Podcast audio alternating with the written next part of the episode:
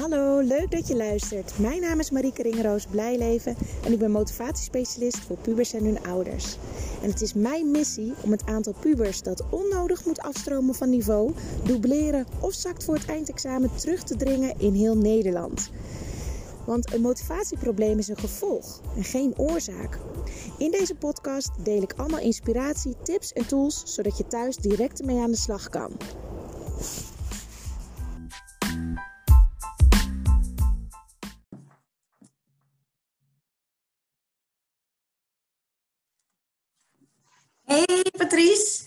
Goedemiddag.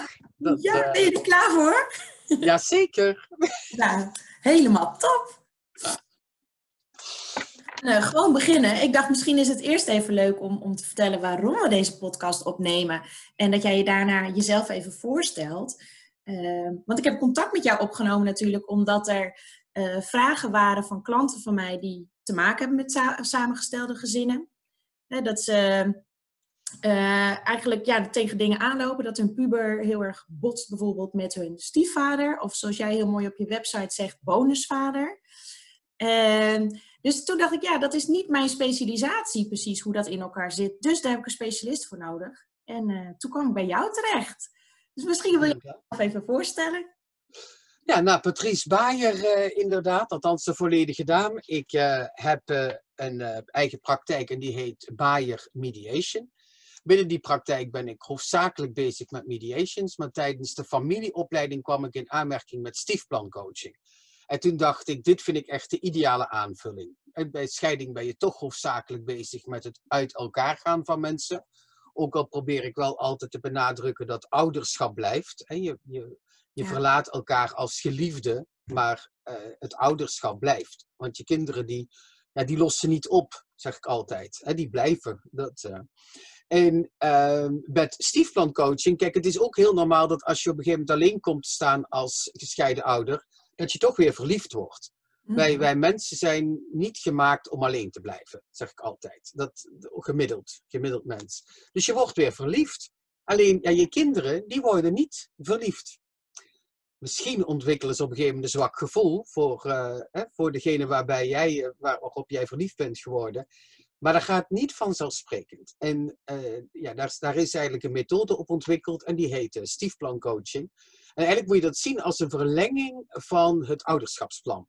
Dus je gaat eigenlijk ook samen met je nieuwe geliefde probeer je een plan op te bouwen van hoe kunnen we jou op een prettige manier in het gezin, in mijn gezin, uh, introduceren en ervan laten deel uitmaken. Wauw, ja. Nee, heel mooi, heel duidelijk. Dus nou ja, ik, ik ben heel benieuwd naar jouw hele verhaal. Want inderdaad, wat je zegt, ze hebben natuurlijk te maken met een scheiding. Dat, dat is al heftig. Hè? En nou ja, met name heb ik nu te maken met moeders die hier tegenaan lopen met hun puber die uh, botst met de stiefvader. Ah, ja. Handig om in deze podcast vooral even van die situatie aan, aan de, uit te gaan, zeg maar. Het wordt een beetje ingewikkeld. Dus we ja, is goed. Uh, maar natuurlijk kunnen we het ook over de andere situatie hebben, dat het met, te maken heeft met de stiefmoeder. Um, maar even de, vanuitgaande, uh, dus de biologische moeder, dat daar de, de pubers bij zijn.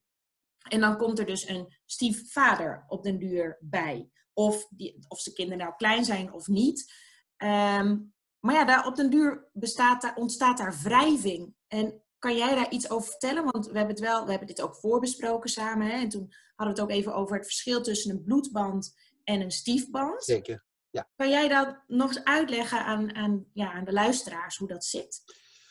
Uh, je ziet inderdaad heel vaak, bij, zeker bij meiden, nou ook wel bij jongens, maar met name bij meiden in de puberteit, dat ze zich meer gaan afzetten tegen de stiefouder dan -hmm. tegen hun eigen ouder. Nou, jij hebt zelf ook kinderen, wij kennen allemaal het afzetten van je pubers tegen hun ouders, omdat het gewoon super veilig is. dat is ja. de, de veiligste plek om je eigenlijk tegen te verzetten. Dat is, gewoon, ja. hè, dat is een gegeven. Kinderen van gescheiden ouders hebben die veiligheid, zijn ze voor een stuk kwijt. Want vaak is het toch zo dat één van beiden het gezin verlaten heeft. En gelukkig hè, is er tegenwoordig steeds meer co-ouderschap, dus dat het contact met beide ouders behouden blijft. Maar dat is nog, nog steeds niet de meest normale zaak. Dus kinderen hebben toch vaak het gevoel, ja, één van mijn ouders is weggegaan. Dus dat natuurlijke mechanisme van ik verzet me tegen mijn ouders, dat is bij bij kinderen van gescheiden ouders ligt dat net wat gevoeliger. En wat is er dan makkelijker om je te verzetten tegen die, ja, toch vreemdeling? Want het is niet jouw bloed.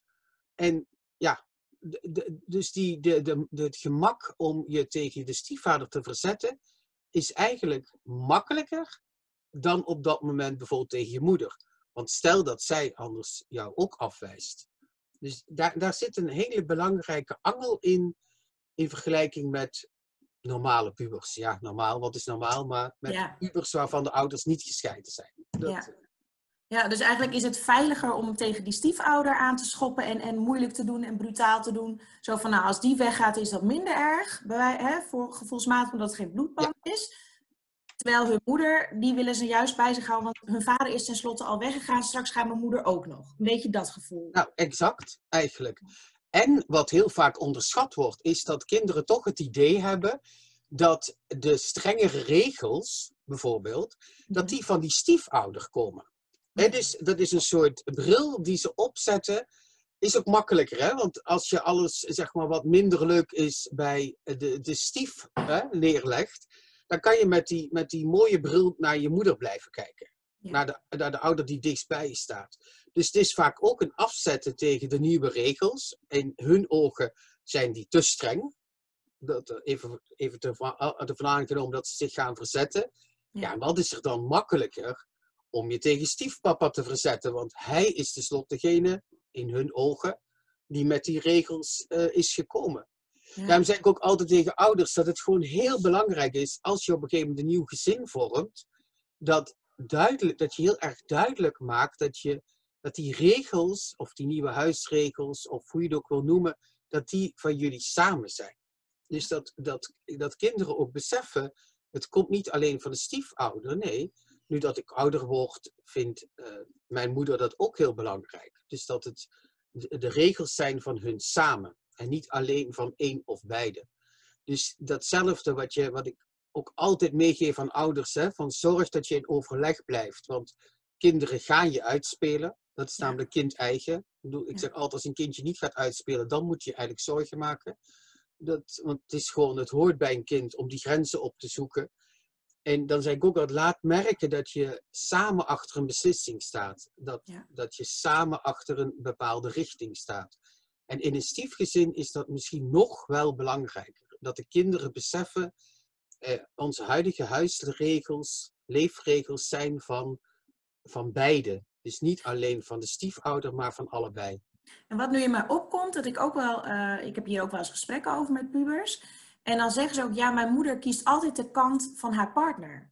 En laat mij alleen staan. En als jij dit zo vertelt, dan doen ze dat dus eigenlijk heel goed. Dat ze met z'n tweeën dingen beslissen en de regels zijn van ons samen. Maar zou dat gevoel van alleen staan en, en mijn moeder is alleen maar met een partner tegen mij bijvoorbeeld, hè, met, met discussies, helemaal in de puberteit. Ja, hoe zit dat? Heeft dat daarmee te maken? Dat, ja. Uh, ja, maar ik denk dat het ook belangrijk is dat um, de, op dat moment de puber wel nog ervaart dat uh, dat hij of zij hè, nog gewoon ook genoeg alleentijd heeft met zijn ouder. Ah, ja. En de, de, meestal ontstaat dat gevoel op het moment dat, je, dat ze altijd het gevoel hebben dat ze met allebei te maken hebben. Ja. Terwijl, um, nou goed, dat zal je ook vaak genoeg met ze bespreken. Elk kind heeft behoefte aan dat één op één contact. Ja. Doe, als je ouders samen zijn, heb je ook niet altijd dat je alles met je beide ouders bespreekt. Nee. Doe, met je moeder bespreek je het ene, met je, ander, met je vader praat je makkelijker over, over, over, uh, ja, over dingen die misschien met sport te maken hebben, om het even heel cliché hè, op te delen. De, het is, ik, ik snap wel waar die boosheid vandaan komt, want ouders hebben ook wel eens de neiging om daarin door te schieten. Zeker mhm. ook in samengestelde gezinnen, juist omdat ze willen laten zien, weet je, wij, uh, ik steun, ik steun de ander, dat ze daarin doorschieten. Maar ik bedoel eigenlijk meer die stap daarvoor. Dus op het moment dat uh, je kind in een volgende levensfase komt, hè, dus op een gegeven moment gaat hij van de lagere school naar de middelbare school, dat is ook meestal wel het moment dat de puberteit echt, echt naar voren begint te komen. Al je tegenwoordig ook wel prepubers zegt, maar ik persoonlijk geloof daar niet zo in. Ik geloof echt wel dat dat moment echt wel is met de middelbare school andere omgeving, meer vrijheid, veel meer prikkels. Dat het belangrijk is om op dat moment met je kinderen gaan te zitten. Dus niet op het moment dat er trammeland is, maar eigenlijk gewoon ervoor. Ja. Ik zeg wel eens tegen mensen, probeer die laatste weken van de vakantie, voordat zeg maar, de middelbare school gaat beginnen, zo die laatste tien dagen, ruim daar tijd en ruimte voor in om dat soort dingen alvast eens met je kinderen door te nemen. Ja. Dat als er op een gegeven moment andere regels zijn, dat dat niet één grote confrontatie wordt. ja. Dat is, een, dat is iets van ons eigen hè, als ouders. Dat we eigenlijk pas gaan uitleggen op het moment dat het gebeurt. Terwijl Ja. het zou zoveel mooier zijn als je dat soort gesprekken voert als die spanning er niet is. Ja. En- Ik kan me ook voorstellen, nu je dit zo uitlegt, dat een moeder, dus de biologische moeder, zich ook heel erg ertussenin voelt staan. Van haar puber, die botst dan met haar nieuwe partner. Zij houdt van allebei. Wat moet je dan? Hè? Je staat er, ja, eigenlijk soms misschien wel letterlijk tussen. Dus, eh, Heb jij daar ook, ook tips voor hoe je daarmee om kan gaan? Want dat is best wel lastig. nou, vaak helpt het, en dat klinkt heel suf, om als moeder dan gewoon eerlijk te zijn. Ja. Want op het moment dat je alleen maar partij kiest voor eh, je kind, voelt je nieuwe partner zich afgewezen. Ja, precies. En dan ben je toch ook wel bang voor weer een mislukking in de relatie. Dat speelt in een achterhoofd toch altijd mee, dat, Mhm. of je dat nu wil of niet. Maar volledig achter je nieuwe partner gaan staan, dan wijs je op dat moment je kind volledig af. ja, Je kind die zich toch al ehm ja, een soort reddeloos voelt. Dus eigenlijk is het als moeder dan ook de kunst om dat uit te spreken. En eigenlijk die twijfel ook uit te spreken. Zo van, ja, weet je, wat moet ik hier nu mee? Want Ja. eh, ik hou van jullie allebei. Ik, ik, ik wil en kan hier niet in kiezen. Nee. En dat, is, dat werkt vaak eh ontwapener, beter, dan echt regelrecht voor één van beiden te kiezen. Ja. ja. Nou, nee. Waarbij het wel belangrijk blijft, waarbij het wel belangrijk blijft. Hè. Kijk, ehm, het ligt er ook wel aan waarover die ruzies gaan. Want de biologische ouders blijven de hoofdopvoeders. Ja. En dat klinkt heel lullig, hè? want soms zijn stiefouders heel lang in het gezin. En hebben ze de, eigenlijk de kinderen volledig zien opgroeien. Maar het wo- is ook in de, wat, in de wet vastgelegd, verankerd. Biologische ouders hebben gewoon het gezag. Als er dubbel gezag is, hè, de, de rest is een heel andere kwestie. Maar hebben gewoon samen het gezag. En blijven dus ook gewoon de eindverantwoordelijke. En, ehm, dus in die zin is het ook wel soms legitiem dat kinderen ook wel eens een bepaald gedrag van een stiefouder, van een stiefvader in dit geval, in twijfel trekken. Hè? De opmerking van, ja, je bent mijn vader niet. Ja. Ehm, weet je, hoe hard die ook is, het klopt. Ja. Want ze hebben al een vader. En hoe, in hoeverre die afwezig is of aanwezig is, maar ze hebben al een vader. Dus hun, hun liefde, als je het hebt over hè, bloedband en stiefband. De liefde van een kind is eigenlijk altijd onvoorwaardelijk naar de biologische ouder, dus naar de bloedband. Ja. En ja, je kan beste maatjes worden met je stiefvader en ook echt superveel met hem doen en er ook heel veel steun en hulp van ervaren. Het is niet je vader. Nee. En het is Dat zei je ook dat een pijnlijk. Ja, het is ook een verschil voor de stiefvader zelf. Als die, stel dat hij zelf ook nog één of twee kinderen meeneemt het gezin in, is er ook een verschil hè, met stiefband, bloedband tussen je eigen kind en je stiefkind of je bonuskind, hoe je het wil noemen. Kan je daar nog iets wat over vertellen? Ja, dat proberen mensen altijd te. ehm, dat onderwerp proberen ze uit de weg te gaan. Want het is natuurlijk ook super ehm, Confronterend. gevoelig. Weet je? Dat, dat, dus dat proberen mensen altijd de weg te gaan. Maar het, het is echt zo. Ik, zeg, ik vergelijk het altijd als ik met mensen die coaching zitten, vergelijk het altijd als je naar een speeltuin gaat. Als moeder, je gaat op een gegeven moment naar een speeltuin en je hebt allemaal krijzende kinderen om je heen. Allemaal. Dat, eh, dan lijkt het alsof die kinderen die niet van jezelf zijn, harder krijsen dan je eigen kinderen. Dan kan je het op een of andere manier kan je het van je eigen kinderen gewoon makkelijker hebben. Ja. En dat vind ik een heel bijzonder fenomeen. Want die van mij, ik heb twee meiden, nou die kunnen echt behoorlijk krijsen. en toch, toch kan je het, kon ik dat altijd beter hebben dan als het kinderen waren die ik helemaal niet kende. En dan helemaal kinderen waarvan ik dacht, oh, wat zitten daar toch vervelende ouders bij. Van die ouders die zich daar niet mee bezig hielden. Ja. Die, Ja. die leken nog harder te krijgen. En dat, zo werkt het ook in een gezin. Weet je, het op een of andere manier is het echt zo dat je gewoon van je eigen kinderen meer kan hebben. Dat het, het gevoel is gewoon onvoorwaardelijker. En dat, dat, dat- ja, dat is een soort natuurwet. Dus Ja. het is geen opzet. En wat er wel in de praktijk heel vaak gebeurt, is dat je dat wil verbloemen. Dus dat je naar je eigen kinderen dan vervolgens strenger gaat zijn dan naar je stiefkinderen. Want ja, het mag toch niet zo zijn dat ook maar iemand zou denken dat je minder van je stiefkinderen houdt. Ja. Dus het gedrag is in de praktijk vaak het tegenovergestelde. Dus je gaat extra streng doen tegen je eigen kinderen, om toch maar zeker niet dat vingertje te krijgen van, oh, zie je, je zie wel dat je haar liever vindt, of Ja. leuker, of knapper, of whatever. Ik bedoel, dat, eh, en de, dus, terwijl het gevoel heel natuurlijk is, gaan mensen heel tegennatuurlijk gedrag ontwikkelen. Om dat Ja, maar met alle goede bedoelingen Ja, eigenlijk. ja, ja, ja, om dat maar Ja. te verbloemen. Jazeker, ja, ja, Ja. ja, ja. Maar dat is een heel boeiend... Ik vind het zelf een van de meest boeiende fenomenen. Dat, dat, dat weet je, wij, soms leggen wij ons mensen, leggen onszelf dingen op, weet je, die, die niet zo zijn. Bedoel, Nee, dan wordt het onnatuurlijk. Hè? Dan ma eigenlijk maak je je kapot. Het is, het is minder erg dan dat wij ervan maken daardoor. Zeker, omdat het gewoon, het is zo. Ja, Het, ik bedoel, dat, ja, ga maar eens een luier verschonen van een kind wat niet van jezelf is. Nou, dat doe je echt niet met plezier. nee. Echt niet. nee. Nee. Dus eigenlijk is het heel mooi. Dus we, we mogen eigenlijk weer wat meer terug naar de basis. En nou, dit is nou eenmaal zo. Het is wat het is. En we hoeven het niet mooier te maken of meer ons best te doen Ja. dan wat het gewoon daadwerkelijk is. Eigenlijk ja, kan het dus minder moeilijk zijn bijna. Ja, het is nog steeds ingewikkeld hoor, maar ja. Nee, maar klopt. Want daardoor, kijk, doordat je minder je best doet, heb je ook gewoon meer energie om gewoon jezelf te zijn. En op het Ja. moment dat je gewoon jezelf bent, eh, is er ook ruimte voor, voor, voor andere dingen. ja. Klopt? Ja, en, en dan heb je ook nog te maken met, eh, met eh, nou ja, quality time. Je zei al één op één tijd, in ieder geval met je, met je Absoluut. moeder dan in dit geval. Ja. Ehm, is het ook belangrijk dat ze quality time één op één met de stiefvader plannen? Of is dat ook weer iets wat je gewoon natuurlijk moet laten verlopen van als het er is, is het er en anders niet?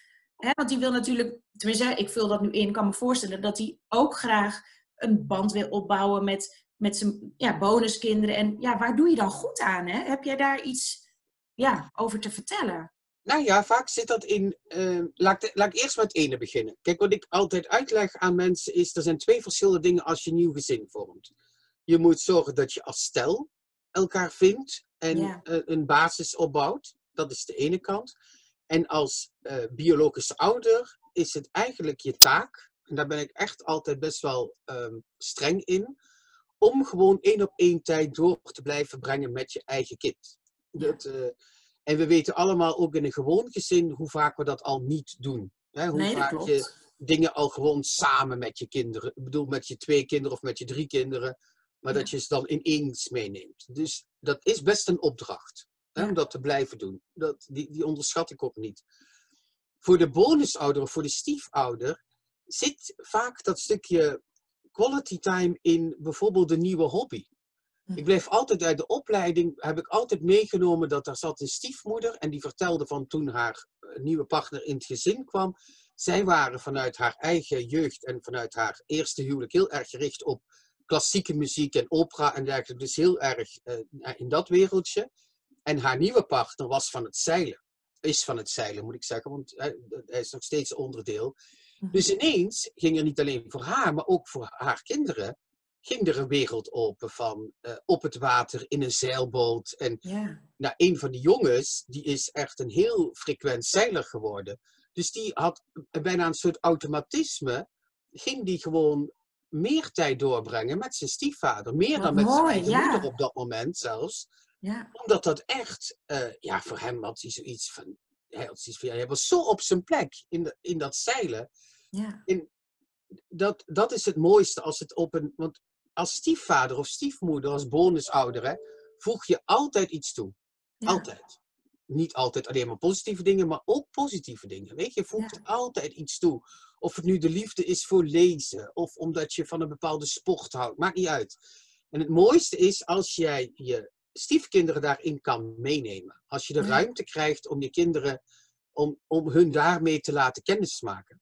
En soms vloeit daar gewoon een gezamenlijke hobby uit. En dan gaat het op een hele natuurlijke manier. Ja, ja. Maar het De- de wereld belangrijkste wordt daar- verbreed. Ja, mooi. Ja. Het belangrijkste daarbij is eigenlijk, daar moet geen, ehm, daar moet geen drang op zitten. Nee. Weet je, kan iets heel simpels zijn. Hè? Stel, jij krijgt een eh, stiefvader die, waarbij Engels eigenlijk zijn eerste taal was, vanuit Mhm. zijn jeugd. En jij borstelt best wel met je Engels. Het is niet je sterkste vak. Weet je, dat eh, een beetje hangen en wurgen. En hij biedt aan, met, met zeg maar wel duidelijk merkend dat de biologische ouder daarmee eens is. Hij biedt aan om daar een stukje steun in te geven, een stukje hulp. Ja, wat is er dan mooier? Wat is er mooier om die hulp heel dichtbij te krijgen, eh, zonder dat er een of andere bijles geregeld moet worden? Dus Ja. dat, dat kunnen van, het kunnen soms van die ja, hele simpele dingen zijn, eh, die, die gewoon heel dichtbij liggen, Ja. maar waar je wel als gezin moet durven op te staan. Ja. En ik geloof dat ik tegen jou dat woordje wel eens heb gebruikt. En dat is een heel zwaar woord eigenlijk. Maar de biologische ouder, dus de moeder in dit geval, moet het mandaat geven. Dus Ja. die, die moet eigenlijk zeggen op een heel natuurlijke manier: van ja, ik zou het heel leuk vinden als, weet je, eh, nou ja, eh, bonuspapa, laat ik het even zo noemen, jou daarmee kan helpen. Ik zou dat heel gaaf vinden. Want hoe mooi zou het zijn als je het jaar wel afsluit met een voldoende, misschien, misschien zelfs een zeven. Ja. Zonder dat je extra dingen moet regelen, het huis uit moet en, en dergelijke. Het, het- eigenlijk is het de moeder die heel duidelijk moet laten merken van ik zou dat een heel gaaf idee vinden. Dus dat ze zowel aan het kind als aan de andere ouder laat merken van ja, ik, ik ben er heel erg oké mee.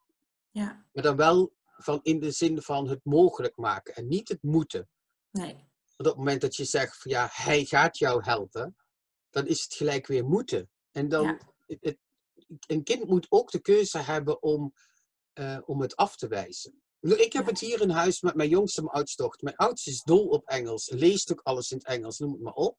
En mijn jongste worstelt met Engels. Nou, we hebben al tig keer gezegd van, joh, misschien zou het een goed idee zijn als Katelijne jou helpt tegen mijn jongste. No way, want ze, dat pikt ze niet. Want dat staat veel te dichtbij. Dus een kind moet dan ook wel de ruimte nog krijgen om nee te mogen zeggen. Ja. Ja. En helemaal een puber, hè? Want op het moment dat je Ja. tegen de puber zegt, je moet, ja, dan is het, eh, er wordt er gehakt van gemaakt. Dan kan je voor 99% zeker weten dat het antwoord zal zijn, nou, ik dacht het niet. Ja, ja. En je zegt dus eigenlijk, de moeder die, die moet eigenlijk dus dat initiatief nemen, het mandaat pakken om eh, nou, toestemming eigenlijk te geven, hè, de optie te, te opperen, laat ik het zo zeggen, de mogelijkheid te opperen. En ehm, ik vroeg me dan ook af, als er, eh, want nou, ik weet niet, ik heb me verdiept in de eh, emotioneel afwezige vaders, de impact daarvan. En dat heeft te maken met onder andere dat je van, ah, van je vader grenzen leert herkennen en aangeven en dergelijke. En van je moeder meer te verbinden. Als jouw biologische vader eh, uit beeld is, bijvoorbeeld, hè, er, is, er is geen contact mee, of af en toe contact, maar is niet zo betrokken in jouw leven, Ja, grenzen en ambitie en dergelijke van je vader leert. En, maar er is een samengesteld gezin. Is het dan zo dat moeder, de biologische moeder, de taak van de biologische vader erbij moet doen? Of is dat iets wat de stiefvader erbij doet? Of, of hoe ga je daarmee om? Met dat, met dat stukje van die 50% wat ze Ja. niet meekrijgen van hun biologische vader. nou, dat blijft een... ehm, dat blijft een hele moeilijke. Kijk, vandaar Ja. dat ik ook vind dat wij als mediators, en daar is gelukkig ook steeds meer aandacht voor, echt de nadruk leggen op ouderschap blijft. En er Ja. zijn, godzijdank, ook eh, percentagegewijs minder vechtscheidingen. En langzaam maar zeker begint dat af te nemen. Eh, Je kan niet als, eh, je kan niet als moeder beide rollen volledig op je nemen. Nee. Dat is, een, eh, is eigenlijk een, een bijna een onmogelijke taak. Dat, Ja. Wat je daarbij kan helpen, minst is dan wel zo, kijk, het werkt niet als zo'n stiefvader net een paar maanden in het gezin is. Nee. Dan, dat, zoiets moet ook groeien. En een kind, en dat heeft ermee te maken hè, van het afzetten. Je leert je grenzen pas, eh, je kan je grenzen pas opzoeken als je dus ook wat kan afzetten. Op het moment dat iemand net nieuw is, dan, dan is dat geen, dan, dan, dan is die veiligheid er nog niet. Nee. Dus dan ga je dat niet, dan ga je niet daar dat kunnen halen. Maar op het moment dat iemand wat langer in het gezin is, en dan heb ik het toch wel over ongeveer, ja, het is heel erg afhankelijk van de leeftijd, wanneer, kind, hè, wanneer iemand in het gezin komt. Maar er moet toch wel minimaal, ik zeg eigenlijk altijd een zwangerschap overheen gaan, voor het Ja. gemak. Dus zeg maar zo'n negen maanden. Weet je, Mhm. dat, eh, als je als moeder dan laat merken van, eh, stiefpapa is er en die is er wel altijd, hè, die is wel aanwezig. En hij mag, hij, hij mag die grenzen die wij stellen, de regels die wij stellen, net zo goed in de gaten houden als dat ik dat doe. Dan krijgt die extra persoon langzaam maar zeker daar wel een functie in. En een stukje verantwoordelijkheid in. Absoluut. Maar je kan het nooit volledig ehm, één op één zeggen. Dat, dat is hetzelfde als effect als bij je eh, biologische vader. Nooit. Ja. Althans, nooit, nooit. Maar ehm, het- is niet vanzelfsprekend. En daar moet je ook niet van uitgaan. En daar moet je eigenlijk ook niet willen van uitgaan. Want dan leg je heel veel verantwoordelijkheid eh, bij een ander neer. Terwijl je die eigenlijk als ouders gewoon hoort op je te nemen. Ja. Hoe moeilijk het is te- is. het hè. is- ja, en dit is tegelijk een moeilijke, hè? Want hè, als we over deze situatie hebben, van ja, je gaat ehm, stap voor stap, zeg maar, de stiefvader of de bonusvader betrekken in het gezin en dat hij ook de grenzen aangeeft. En dan krijg je dus een puber op de, hè, op de duur zijn ze puber. En gaan ze de- juist tegen die stiefvader aanschoppen. En ja, wie ben jij om mij de grenzen aan, eh, te, aan te Ja. geven? Want je bent mijn vader niet. Dat is, daar komt natuurlijk heel erg wrijving. Maar daar, ja, daar, daar is niet heel veel wat je echt anders kan doen dan dit, denk ik dan, hè? als ik jouw verhaal. Nee, maar wel eh, vooral eh, blijf in gesprek. Ja. En ook eh, inderdaad, weet je, echt als stiefvader ook zeggen van ja, dat klopt, ik ben je vader niet. Ja. Maar we leven hier met z'n allen en we moeten met z'n allen proberen om er gewoon eh, uit te komen. Ja. Dus dat je, hetzelfde geldt voor die moeder, hè, die, die kan benoemen, ja, ik sta tussen jullie in, ik wil Ja. niet kiezen, hè, Ja. ik wil niet kiezen, want ik hou van jullie allebei. Want dat is wel, weet je, het is wel heel belangrijk. Kijk, wij volwassenen, we hebben natuurlijk dat extra stukje dat we kunnen denken van, eh, ook al zegt hij of zij het niet, hij houdt echt wel van me. Wij als volwassenen hebben die op een gegeven moment die eigenschap. Dat, eh, een puber mist dat stuk nog. Ja. Weet je, ook, ook hoe boos een puber ook is, die wil, niet, die wil toch horen, ik hou van je. Ja. In al je nukkigheid, en al je boosheid, en je schoppen en je slaan, figuurlijk dan hoop ik. Maar Ja. dat, Ja. ehm, ik hou van je. Dat hoort, weet je, een, ook al zegt de puber van niet, ook al zegt de puber, ik ben geen kind meer. Hij of zij wil dat horen. Ja. Dus de kracht zit hem denk ik erin op een gegeven moment om als moeder te durven zeggen van ja, ik wil niet kiezen, want ik hou van jullie allemaal. Ja. En dan kan er misschien wel over gelachen worden, maar dat is wel zo. Dus, ehm, en hoe, als je dat één keer hebt uitgesproken, dan wordt het ook natuurlijker.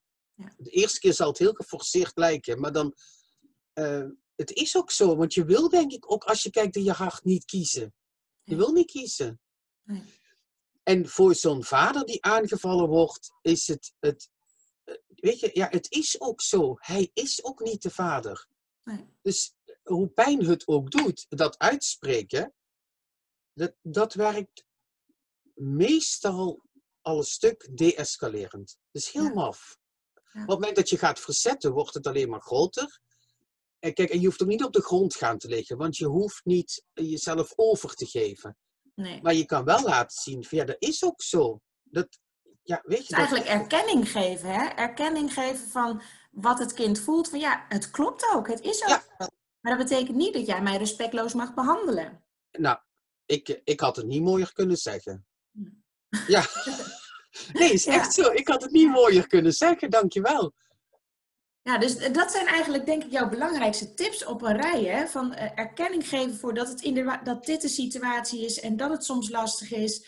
Eh, ik als moeder kies niet, want ik hou van jullie allemaal. En het is moeilijk om die worsteling van jullie met elkaar te zien. Maar ik kies niet, want ik hou van jullie. En de andere is dus voor de stiefvader van, ja, dat klopt. Ik ben dus inderdaad ook niet je vader, maar wel je eigen grenzen ook bewaken daarin. Dat ze niet ja. je heen lopen. Zijn dat de belangrijkste ja, tips, adviezen, inspiratie waar ouders mee aan de slag kunnen? Ja, maar uh, zeker op het moment dat de discussie er al is. Maar liefst zou het natuurlijk mooi zijn om daarvoor, zeg maar, hè, op het moment dat er grote veranderingen zijn, dus lagere school, middelbare school, om dan eens met elkaar gaan te zitten. Van, weet je, er komt een andere tijd aan. Ehm, ja, je gaat zelfs meestal gaan, zeker als je naar de middelbare school gaat, ga je ineens echt zelfstandig, echt zelfstandig. Hè, of verder met de bus. Uh, dan ga ik even van de algemeenheden uit. Hè, dat, uh, verder met de bus of verder op de fiets.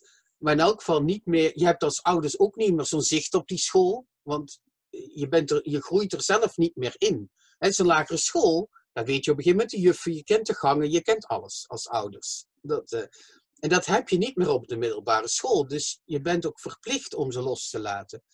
En het is goed om op dat moment te hebben over wat je als, uh, als gezin verwacht. Van hoe gaan we met elkaar om? Nee, bijvoorbeeld, het, wat, ik weet niet of dat bij een van jouw gezinnen speelt, maar wat, wat, wat hier zeg maar al te vaste regel was, is van uh, op het moment dat je na school uh, nog even de stad in gaat of je gaat met uh, een klasgenoot mee, geef mij een appje. En, dus, of geef mij een belletje, maar weet je, geef me een appje, geef me een belletje. En wacht ook tot ik reactie geef. Zodat ik weet waar je bent. Want er is niks zo erg voor een ouder om niet te weten. Kijk, dan hoef je niet precies exact te weten, ze zijn nu naar HM of ze zitten nu bij McDonald's. Maar om wel te weten van, oh, hij is nog niet thuis. Oh, ze zouden nog even de stad ingaan. Of ze zit nog even daar en daar. Ja. Dus dat je die basisregels samen vastlegt. En dat ja. mag je echt wel als samengesteld gezin samen doen. Ja. Want als, als jouw moeder op, bijvoorbeeld op dinsdag, donderdag altijd echt aan het werk is, dan is ze misschien op dat moment wel op dinsdag, donderdag.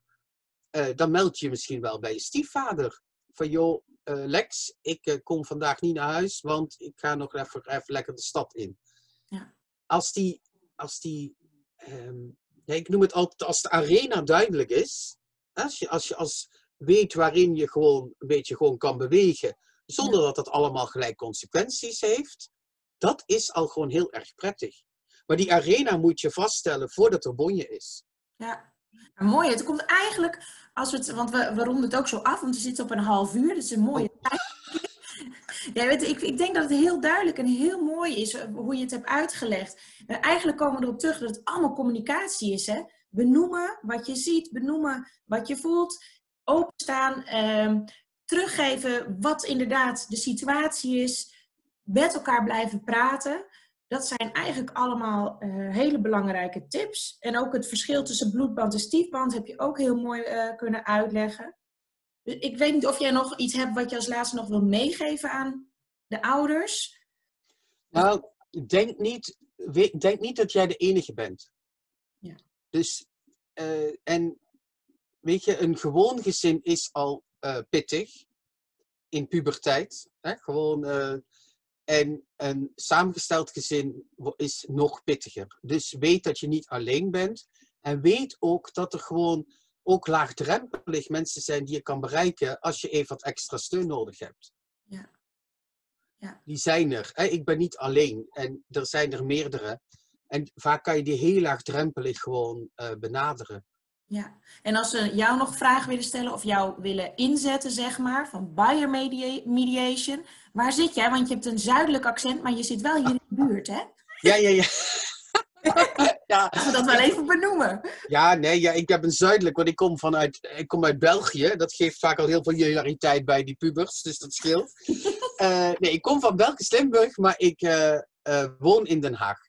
En heb inderdaad, ik noem het altijd Groot Den Haag, een beetje tot Amsterdam, zeg maar, als werkgebied. Dat, uh, Kijk, in ja. Amsterdam kan ik met mijn zachte G echt niet meer aankomen. Dat, uh... nee.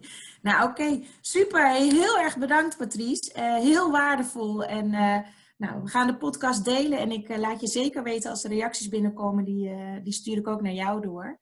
Ik denk dat dit een hele waardevolle informatieve podcast is. Nou, dank je. Ja, ik vond het sowieso super dat je me gevraagd hebt. Dus ook dank je wel daarvoor. Dat, nou, uh... graag gedaan. Oké. Okay. Dan ronden we hem hierbij af. Succes!